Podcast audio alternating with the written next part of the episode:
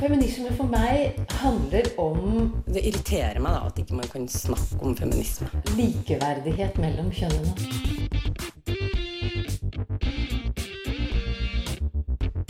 Det blikket på kvinnen på film. Det handlet det om å bli tatt på alvor som jente. Du hører på Kvinnesaken på Radio Nova.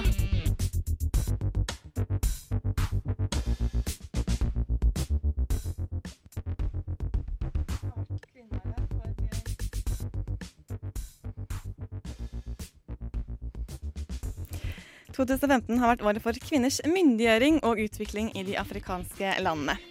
Hva har egentlig skjedd når det gjelder afrikanske kvinners likestilling? Og eh, i forrige uke vedtok Stortinget å innføre tiltak for å heve andelen kvinner i norsk filmproduksjon. Politisk styring av kunst? Eller er det også nødvendig? Du hører på Kvinnesaken her på Radio Nova, Novas feministiske og partinøytrale kvinneprogram. Eh, og eh, kvinneår i Afrika og eh, kvinner i norsk filmproduksjon. Men Lisa, du skal også få lov til å snakke litt om tabor knyttet til dette med mensen. Ja, det blir Ja. bra. For det, det er det mye av. Ja. Så det er jo et veldig stort tema. Det blir en uh, godt blandet uh, sending. Det som er litt sånn gøy, da, med litt sånn uh, tilfeldig rød tråd, det er jo at uh, mensen Rød tråd. Ja. Og uh, ja, men i, mm, særlig i afrikanske land, blant annet, eller alt utenom den vestlige verden, kan man si, da, Mm. så er jo dette med mensen et stort tabu. Absolutt. Og en stor utfordring for veldig mange kvinner. Absolutt. For det er jo ikke alle som har råd til å kjøpe gjenbrukbare bind og tamponger. Veldig få. Jeg leser det er faktisk bare 10 av eh, verdens kvinner som bruker engangsbind og tamponger. Ja, det var det det jeg er jo ganske ganske liten eh, andel. Absolutt. Ganske snart så skal vi få besøk fra Bodil Mål. Hun jobber i Norad og kan veldig mye om dette med kvinner og klima og klimautfordringer i Afrika. Hun skal fortelle litt om eh, Den afrikanske unionen og det, deres arbeid og deres eh, mål, egentlig, om kvinner og likestilling i Afrika. Mm. Eh, ja. Lisa, mitt navn er Linja Therese Rosenberg. Du kan få si hva du heter. Ja, Lise Aasbø. Her er Similar Bodies Illusion.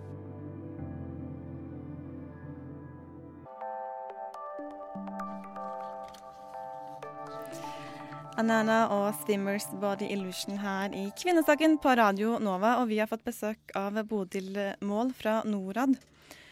For i år så har Den afrikanske union bestemt at det skulle være året for kvinner. Kvinners myndiggjøring og utvikling. Og Bodil, du jobber litt med bl.a. klima og jordbruk. Eh, og der har jeg forstått at der er det store utfordringer når det gjelder kvinners likestilling. Ja. Ja. ja nei, eh, altså Afrika står jo overfor veldig store utfordringer når det gjelder klimaendring og det med matproduksjon. Og det er sånn at kvinner, eh, kvinnelige småbrukere i Afrika, de, de produserer 60-80% av maten eh, som spises lokalt. Og, eh, og kvinner, kvinner har alltid blitt marginalisert i jordbruksprosjekter og, og har Det var nettopp en, det var en, en FAO-rapport, altså Verdens matvareorganisasjon.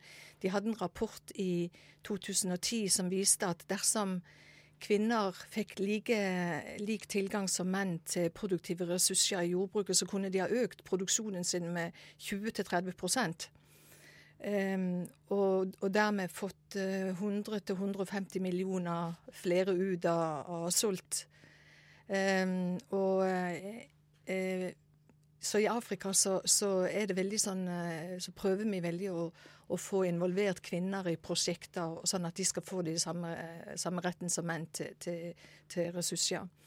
Sånn at eh, og i og med nå at du har klimaendring og nedgang i jordbruksproduksjon, så er det veldig viktig at kvinner blir involvert, sånn at de kan, de kan klimatilpasse sitt jordbruk og, og ikke, ikke bli ytterligere marginalisert. Og vi ser jo det at i, i områder av landene der det er store klimaendringer, der, der emigrerer eh, mennene bort for å finne arbeid, og så er det kvinner og barn og, og eldre igjen.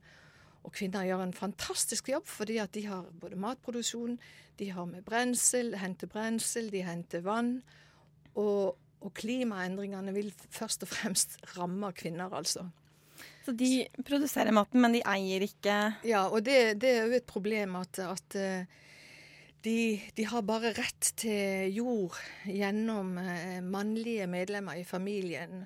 Gjennom, gjennom mann eller far eller onkel. Eh, og de, de, har ikke egne rettigheter til jord. Og det betyr at eh, det betyr at mange kvinner er faktisk redde for at hvis de øker produksjonen på si jord, så vil mannen tar kontroll over jorda. Og det vi òg ser, det er at eh, f.eks. Eh, kvinner som øker produksjonen sin, eh, at veldig ofte så er det sånn at det er mannen som, som selger produktene, og at de tar De har ikke kontroll over produksjonen sin, altså. Um, og at mennene, mennene, de går til markedet og selger, selger produktene, og så, og så, eh, prioriterer de annerledes enn kvinner når det gjelder hvordan du skal bruke f.eks. overskuddet. Eh, og eh, det er jo sånn at dersom kvinnene hadde kontroll over økt produksjon og inntekter fra jordbruket, så ville, så ville det gått til familien. Så, så, det med å styrke kvinnene, altså empower kvinnene, er veldig viktig for at de skal få økt kontroll over, over jordbruket og over eh, produksjonen og inntekter. Eh, så, så, så, dette er, er, veldig sentralt i det vi arbeider med i Norad. Men henger det også litt, eller veldig mye sammen med Elias, dette patriarkatet? Ja, ja. ja det gjør det. det er, eh, afrikanske land er veldig patriarkalske. Og det, det, det betyr jo at eh, kvinner har lite innflytelse i, i, um, i, lokale organisasjoner. Veldig mange av, av organisasjonene som arbeider med, med jordbruk, eh, er um, etablert for flere år siden. Og de, de, er litt patriarkalske i strukturen sin òg. At de er skapt av menn for menn. Og at dermed så er de ikke så flinke til å jobbe med, med kvinner, eh, små, kvinnelige småbrukere, som er de som produserer maten. Så, så eh, der er veldig sånn uh, mye arbeid en må gjøre for å endre organisasjoner til å bli mer kjønnssensitive, sånn at de kan jobbe med kvinner. Um, så, nei, så det, det, er, det, er, alle, alles arbeid med kvinner og likestilling i Afrika veldig opptatt av. Dette med landbruk og klima er jo bare ett av flere områder. Ja. Og du skal vel si litt om den konferansen for 20 år siden i Beijing. Ja. Vi må begynne å snakke om dette. Men aller først så skal vi ha litt musikk. Det her er Lia Senior.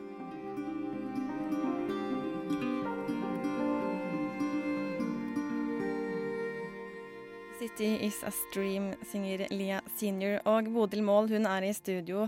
Eh, og for 20 år siden i Beijing så var det en konferanse. Ja. ja. Ehm, det var altså eh, kvinnekonferansen i Beijing, altså FNs kvinnekonferanse. Og ehm, den kvinnekonferansen den, den vedtok tolv prioriterte områder som en skulle arbeide med. Og eh, i, i, år så var det 20 år siden, og det ble lagd rapporter om hva som hadde blitt oppnådd på disse 20 prioriterte områdene. Og eh, i, ehm, du har noe som heter den økonomiske kommisjonen fra Afrika, EKA.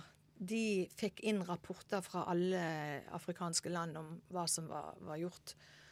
Og eh, det viser seg jo at det har, skjedd, det har, skjedd, en del når det gjelder kvinners politiske deltakelse. Det er flere kvinner som, har, eh, som er med i, i eh, styre og stell.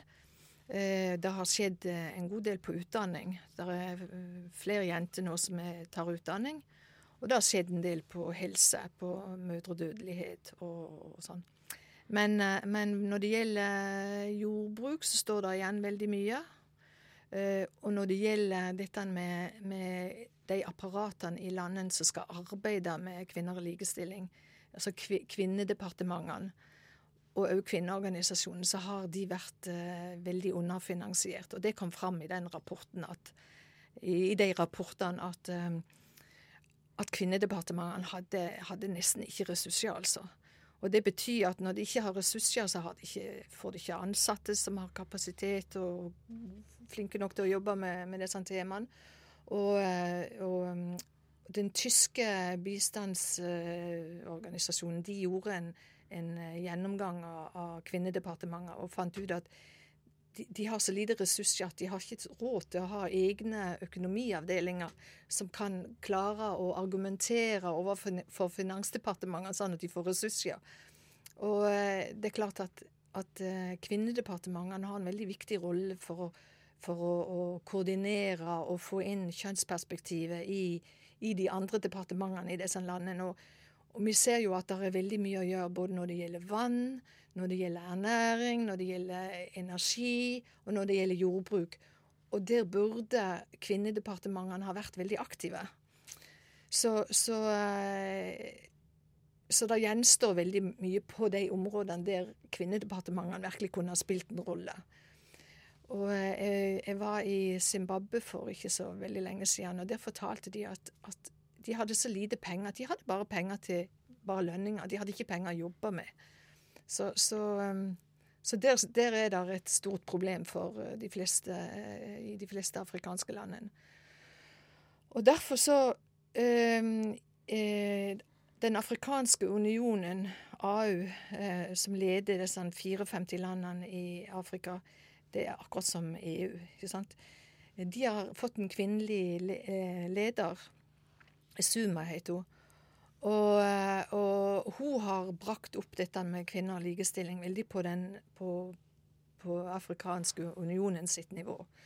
Og um, i, i, begynnelsen av januar så var det et høynivåmøte der alle eh, lederne i afrikanske land møttes, og, og de vedtok en, en, sånn en plan, eller sånn deklarasjon, eller hva de kalte det The African Agenda for 2063, altså planen for de neste 50 årene for Afrika. Og i den planen så er kvinner og likestilling veldig sterkt framme. Og de snakker om at innen de 50 årene så skal kvinner og menn være totalt likestilt i afrikanske land.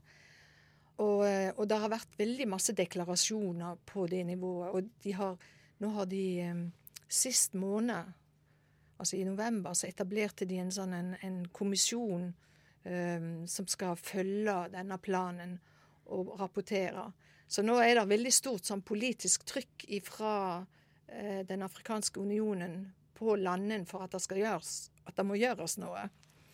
Så, så, så det, er jo, det, er jo, veldig positivt. Vi kan uh, snakke bitte litt uh, mer om denne afrikanske unionen. Uh, aller først så skal vi høre 'The Certain Flavor'.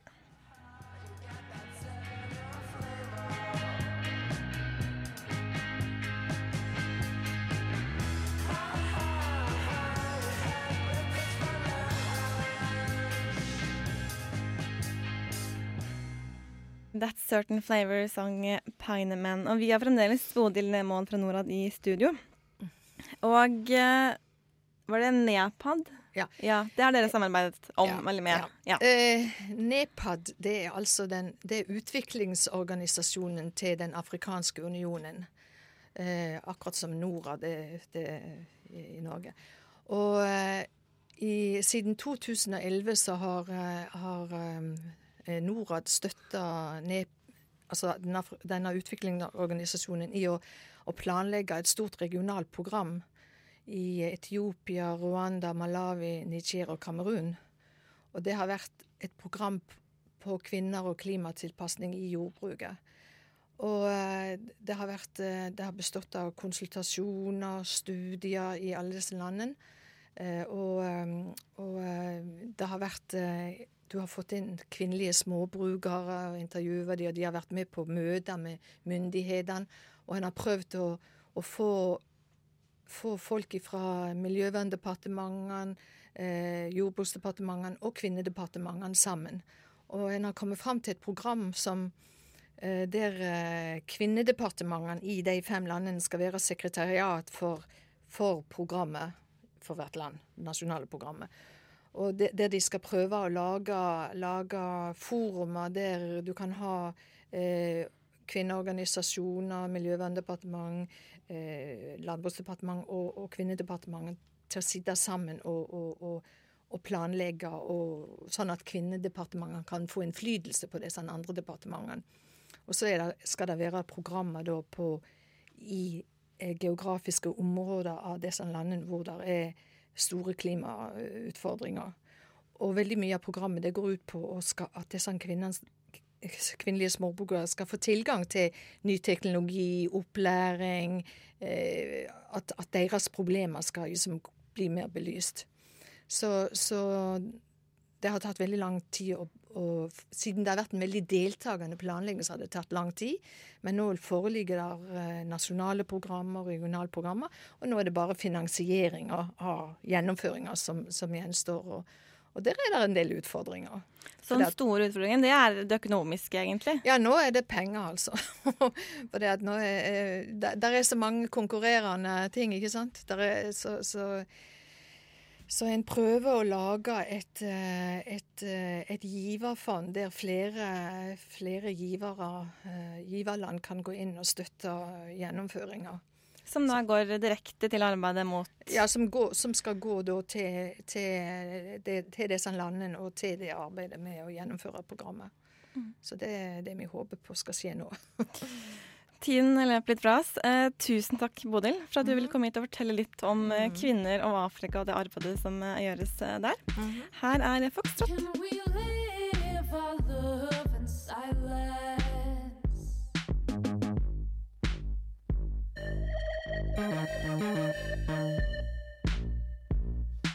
Foxtrot hører du her med låta 'Beyond Our Means'.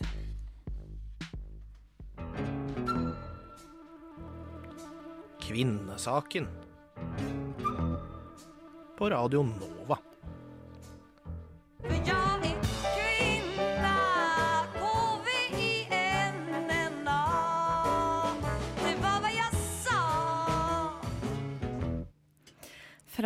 Kvinner i Afrika til mensen, som også kan være litt av det samme. Eh, du, Lisa Aasbø, har eh, laget en liten sånn eh, sak ja. om mensen og tabor rundt akkurat det temaet. Mensen. Det er ikke en hemmelighet at ca. halvparten av klodens befolkning blør ut av kjønnsorganet sitt en gang i måneden. Eller gjør de egentlig det?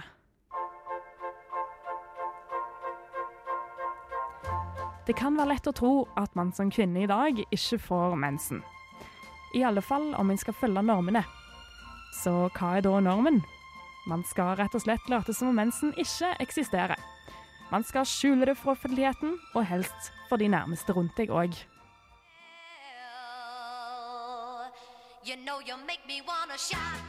Ifølge nærmest samtlige reklamer for bind og tamponger lover leverandørene en sikker, trygg og diskré opplevelse ved bruk av produktene deres under menstruasjonen. Men hva er det man må sikres mot? Lekkasjer, eh, selvsagt.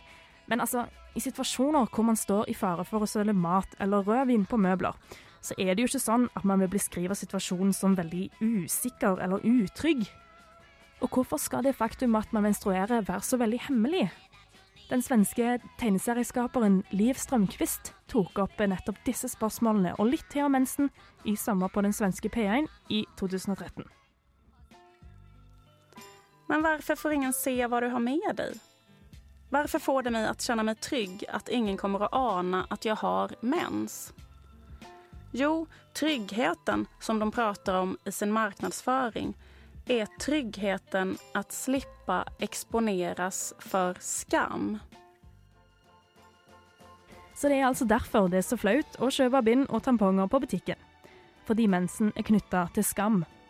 Og om man tar kvinners historie i betraktning når en forsøker å finne svaret på hvorfor mensen er knytta til skam, så er det egentlig ikke så veldig overraskende hvorfor. Gjennom tidene har kvinnens menstruasjon blitt sett på som svært urein, og noen steder til og med giftig.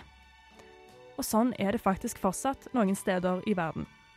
I februar i år fortalte Anisha Bhavani til CNN at hun ble kjefta på av læreren sin for å ha gått inn i et tempel i India når hun hadde mensen på klassetur og det i en alder av elleve år. Det naturlige har altså blitt det unaturlige. I en tid hvor nakenhet og seksualisering har blitt så vanlig, virker det som om ville fremmedgjort vår egen kropp og dens naturlige funksjoner. Det virker som at nakenhet som ikke er seksualisert, ikke er greit å dele. Som f.eks. mensen. Som faktisk er når kvinner blør en gang i måneden, for at menneskeheten fortsatt skal kunne eksistere. Lisa Østbø om mensen her i Kvinnesaken på Radio Nova. Men det har vel skjedd litt? Ja. de? Eh, det er liksom eh, Altså, det er jo klart at det er jo fortsatt flaut, liksom. Og, og at du er ikke noe du nødvendigvis har lyst til å dele. Eller det er ikke sånn at man Det er jo fortsatt flaut, liksom, tenker jeg, å blø gjennom, liksom. Men, det var jo ikke hvis jeg husker tilbake, det var ikke så flaut før jeg fikk mensen. Da var det bare sånn Nei, men mensen, det var liksom Det skulle alle få. Så det var liksom ikke noe å være flau over. Nei. Og så får man det, og så plutselig så er det litt sånn Ja. flaut likevel. Ja, for det liksom når man er, når man er tenåring, så er jo liksom alt som har med kropp å gjøre, flaut. Men jeg føler liksom at mensen eh, ikke slutter liksom å være flaut. Kanskje spesielt når du ser sånn Det var jo en maratonløper som jeg ikke har navnet på nå, men hun, hun eh, sprang uten å bruke bind eller tamponger. Eh, og da var det veldig sånn eh, eh, da var, husker jeg det var veldig sånn altså, Mediene bare hauser det opp, og det blir sånn Nei, æsj! Øh, øh, Mensen nå?' sånt. Så alle liksom oppfører seg som om de skulle vært ja, eh, 13-14 år- år gamle jenter og gutter som aldri har hørt om det før. da, At det er liksom en litt sånn til, tilnærming til det. Men altså, det har jo blitt snakket om litt mer de siste årene. For hun Liv Strømquist, som jeg snakket om i, i, eh, i denne saken, eller innslaget, hun eh, snakket jo eh, om det i 2013, og det utløste jo en del eh, reaksjoner, og plutselig skulle alle snakke om det og ta det opp, da. Og så har du jo i Norge, så, så var det det samme på en måte som skjedde. Eller en som heter Gunhild Øyehaug. Hun tok, hun tok det opp eh, i sommer. I sommer på P2. Så snakket hun en time om det, da. Og tok opp mensen og litt sånn forskjellig. Eh, og så nå nylig på God morgen Norge så snakket de om menskopp. Eh, men samtidig så er det jo fortsatt eh, så er jo fortsatt i, i reklamer og sånn, for for, forskjellig, så er det jo altså Vet ikke om du har hørt om Proxan? Så hadde de nettopp en sånn kampanje. Det er sånne smertestillende tabletter som liksom skal Ja. mot mensesmerter. Ja.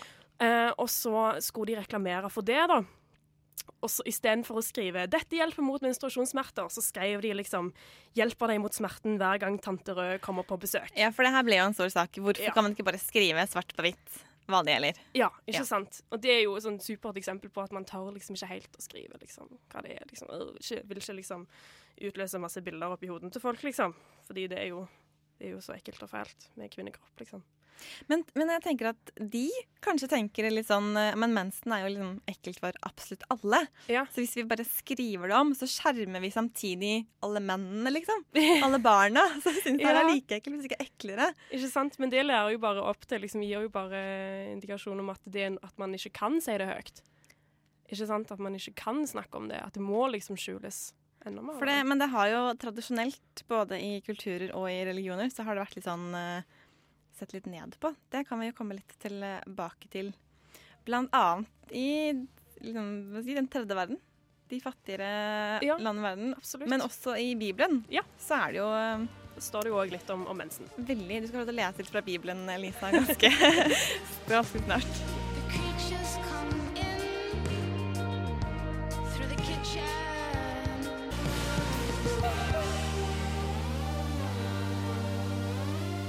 Lovely med låta «Svim» hører du her i Kvinnesaken på Radio Nova, hvor Lisa og Linda akkurat nå snakker om mensen. Yes! Ja. Jippi. Du har eh, noen eh, unntak fra Bibelen om akkurat dette med, med at man er så uren Ja. når man har mensen. For i Bibelen så står det faktisk om noe om mensen, og hva som skjer med kvinnen da når hun har mensen. Det står at når en kvinne har utflod, og utfloden er blod fra kroppen hennes, er hun uren i sju dager. Den som rører ved henne, er, helt, er uren helt til kvelden. Alt det hun ligger på mens hun har menstruasjon, blir urent, og alt det hun sitter på, blir urent. Og sånn fortsetter det. Og altså alt som Hvis du tar på henne, så blir du urein, osv., osv. Så, videre. så står det òg her at når hun blir ren etter utfloden, skal hun telle sju dager fram. Da er hun ren. Så sånn som jeg har forstått det, sånn som jeg tolker det her, er at man to uker i måneden så er han altså urein, ifølge Bibelen. Men det er jo utrolig upraktisk å være eh, mor bare. Hvis man er uren halve tiden. Ja, Og sant? hvis du tar på barna dine, så blir du urene. Ja, ikke sant? Det er jo utrolig tåpelig. Ja. Men det er jo eh, særlig i eh, mange asiatiske og afrikanske og søramerikanske land Mm. så er det jo veldig dette med at det er liksom urent. Og det er, om ikke urent, så er det veldig sånn pinlig. Og du skal gjemmes bort, og ingen skal få vite det. Ja. Eh, og det er bare den vestlige verden hvor man bruker engangstamponger eh, og bind. Ja. Så andre deler av verden så må de jo vaske disse for hånd. Ja. Og da er det jo Ja, vasker de for hånd, ja. Så da er det jo Da bruker de jo gjenbrukbare Altså bind og tamponger, da, hvis vi kan si det sånn. Ja. Da har de jo eh, ja, gjenbrukbare bind. Det er jo slags sånn tøystykker. Eh, og så har du noen som heter menskopp. Yay! Ja, for det er litt mer hygienisk enn å vaske og tørke disse engangsbindene i flerbruksbindene under senga eller oppe under taket. Ja, For ikke sant? se det. Det har vært et stort problem, stort problem da. Ja. At det er så uhygienisk, og de blir faktisk syke Mm. av å holde på med det her. Ja. Så menneskap har jo blitt sånn solgt litt inn mot disse landene i det siste. Absolutt. Og det er jo ikke bare der eh, mange har fått øynene opp for dem, det er òg eh, her i Norge og i de vestlige landene.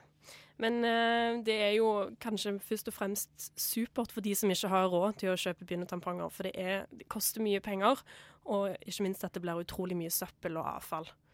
Um, så det er jo altså, Sånn som den fungerer, da. Det er en, en silikonkopp eh, som eh, eller som skylles etter hver, etter hver bruk. Da. Så når du er ferdig med, med mensen, så kokes den eh, for å sterilisere den. da.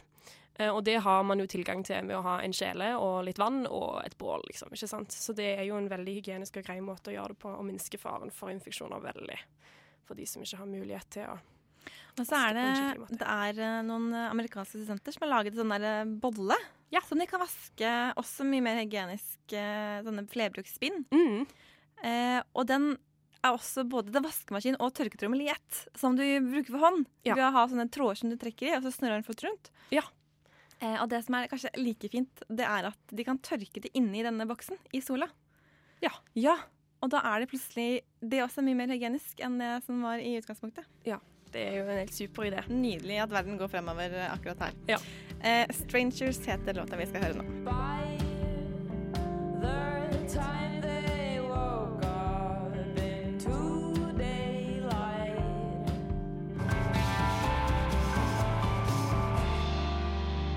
Sarah Horn OK Please Strangers her. Tenk på da vi gikk i demonstrasjonstog, og Ingrid på seks år gikk med plakat hvor det sto 'Jeg vil bli statsminister'. Og alle mennesker lo langs ruta for at en jente skulle kunne bli statsminister. Du hører på Kvinnesaken på Radio Nova. Sånn passe god blanding av norsk og engelsk uttale på sangene. Det er fint. Jeg liker det godt å blande.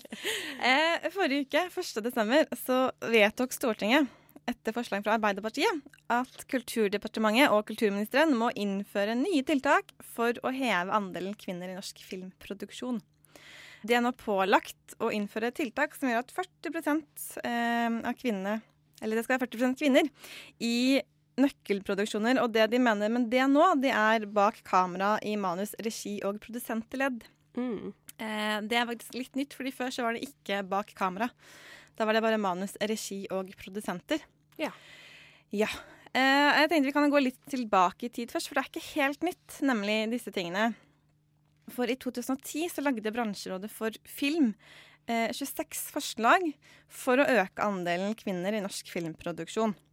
Eh, og noe av bakgrunnen var at i 2008 så var eh, 87% det var menn, og 13% var kvinner i nøkkelrollene. Mm. Det var spillefilm. I dokumentarfilmen i året etterpå så var det en kvinneandel på 7 eh, Ikke så veldig fine tall, så da fant vi ut at vi må gjøre noe. Så kommer kulturministeren, og, eh, som da var Trond Giske. Det var også litt i forkant av det her, og sa 40 skal være kvinner. Mm. Mm. Så det har liksom holdt på med det her siden 2006, egentlig. Selv om det 40% har liksom vært et sånn langt hårete mål som man ikke helt har sett. Eh, Nei. Men i, da har skjedd mange ting siden da. Ja. I 2014 så var andelen blant norske spillefilmene Da var det 30% kvinner. Ja. Det Så det har, gått, eh, det har gått litt Ja. oppover, altså. Og hvis vi ser eh, De skiller mellom de som får støtte fra Norsk Filminstitutt, og de som ikke får det. Så hvis vi måtte samle all norsk film, så Mm. var vel kvinneandelen over 50 for første gang Wow. i 2014. Så det var ganske positivt. Mm. Men man har jo diskutert Og det handler om kvotering. Ja. og i, det var først i 2011 at daværende kulturminister Anniken Huitfeldt eh, snakket om at kanskje er kvotering ikke så dumt. Ja. Kanskje er det det som er løsningen. Eh, og da var det et veldig sånn todelt eh, filmmiljø, egentlig. Ja. Det er alltid noen som er veldig imot, og noen som er veldig for. Ja. Sånn er det alltid i sånne Men, kvoteringssaker. Men det som man da det som da kom frem, da, det var annet at man var redd for at eh, bedre film skulle nedprioriteres fordi man måtte løfte frem kvinner. Var At, det at bedre film skulle bli nedprioritert. Ja, hvis du har mann, mann, masse menn i en film og masse kvinner, og den med masse menn var bedre, så måtte man jo prioritere kvinnene. for man måtte jo løfte kvinner frem. Det var en sånn faremoment som mange var redd for da, i 2011. Ja, så, det, så da er det liksom litt implisitt at den gode filmen har menn, da? Liksom er lagd av menn og har Eller, man var vel redd for at eh, man skulle se mer på kjønn og ikke kvalitet. Som om det er veldig stor forskjell. Ja, Det er det, vel ikke det er akkurat det, kvotering handler om. Ja. Men det regissør Anne Sewitsky snakket om, det var at hun trodde at hvis man bare snakker om det, så blir man mer bevisst, og så hjelper det bare å snakke om det. Man må ikke kvotere. Ja, men det er helt sant. Det, Eh, men jeg vet også at Norsk Filminstitutt har hatt en sånn moderat kvotering. mm. Eh, slik at hvis man har to like bra filmer, og den ene har mange kvinner i nøkkelroller, så er det den som blir prioritert. Men den blir ikke prioritert fordi at den, det er bare kvinner.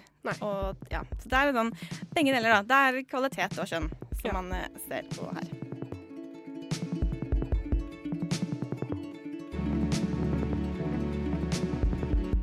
Favla med låta 'Gong' her eh, på Radio Nova. Og vi snakker litt om film. Eh, norsk film som vil ha flere kvinner. For to år siden så klarte kulturministeren eh, Toril Vidvei å ta bort dette målet om at 40% skulle være kvinner. Oh. For hun er jo litt sånn, hun er jo høyrekvinne, så hun er litt sånn mot uh, kvotering. Ja. Uh, og det ville ikke hun ha som mål eller fokus på i sin uh, kulturpolitikk. Fokuset skal ikke være kvotering. Nei. Så hun tok bort det, som man da innførte i 2011, eller begynte å snakke om i hvert fall i 2011 og også i 2006. ja. Eh, og hun har da sagt at eh, kvinneandelen i norsk film kan økes på mange andre måter enn gjennom kvotering. Ja. Og det er jeg for så vidt enig i. Men det er jo ikke sånn at enten så har man kvotering, og da har man ikke noen andre tiltak, eller omvendt, på en måte. Ja. Det, ja. Ja. Og hennes kritikk mot dette forslaget det har vært at uh, det er ingen virkemidler i å si at det skal være 40 um, Det er bare et mål. Og så må man jo snakke om andre ting. Men, men vedtaket er at hun skal lage virkemidler for at det skal bli 40% Ja. Så Men det, ja, det gir jo ikke helt mening. Nei. Men uh, det er faktisk flere som er positive. Det er uh, både filmskaper Aslaug Holm og Anja Breien uh, er liksom for en sånn mild kvotering. Mm. Og tenker at kanskje må det til for at det skal bli disse radikale endringene i norsk film. Mm. Og Sverre Pedersen, som er forbundsleder i Norsk Filmforbund, han er veldig eh, gira på det her. Han har vært Mm. gira siden disse bransjefondet, eller bransjemiljøet, begynte å snakke om disse tiltakene i 2010. Mm. Og det er litt gøy, da, at de som jobber mye med film generelt, er veldig for. Ja, mens det blant filmskapere er litt mer sånn ja, nei, jeg vet ikke helt. Um, han som var filmprodusent for Kon-Tiki, han er veldig oppgitt Over at man skal nå kvotere. For han har holdt på med film i mange år, og det her er uh, ikke helt bra, altså. Nei. Nei. Radio Nova, FM 99,3 og radionova.no. Vi er straks ved en slags uh, slutt. Ja. Ja. Uh, I studio så har du hørt Lise Aasbø og Lina Therese Rosenberg, og tekniker det har vært Petter Pettersen. Vi er tilbake om en uke. Ja, og det blir veldig kjekt. Det gleder jeg meg masse til. Vi skal oppsummere Mm. eh, 2015 og se litt på eh, Hva de viktigste sakene har vært. ja, de store Hva folk har snakket om. Ja, Mm. Nå er det jo eh, Det har vært en sånn stor sak, dette, denne med Ja. filmgreiene, forrige uke. Mm. Så kanskje kommer det den siste bølgen nå er på tampen av året. Ja. Neste uke. Sånn, nå blir det den store debatten. Så Skal man ha eh, kvotering i film eller ikke? Ja. Ikke overraskende nok så var det da regjeringspartiene var uh, mot, og resten av Stortinget var for. Ja. Som alltid når man snakker om kvotering. Ikke sant? Ja, Sånn er verden. Ganske snart så kommer Alisa A-Lisa med ny musikk her på Radio Nova. Vi avslutter med 'Living' og Flora Hedron.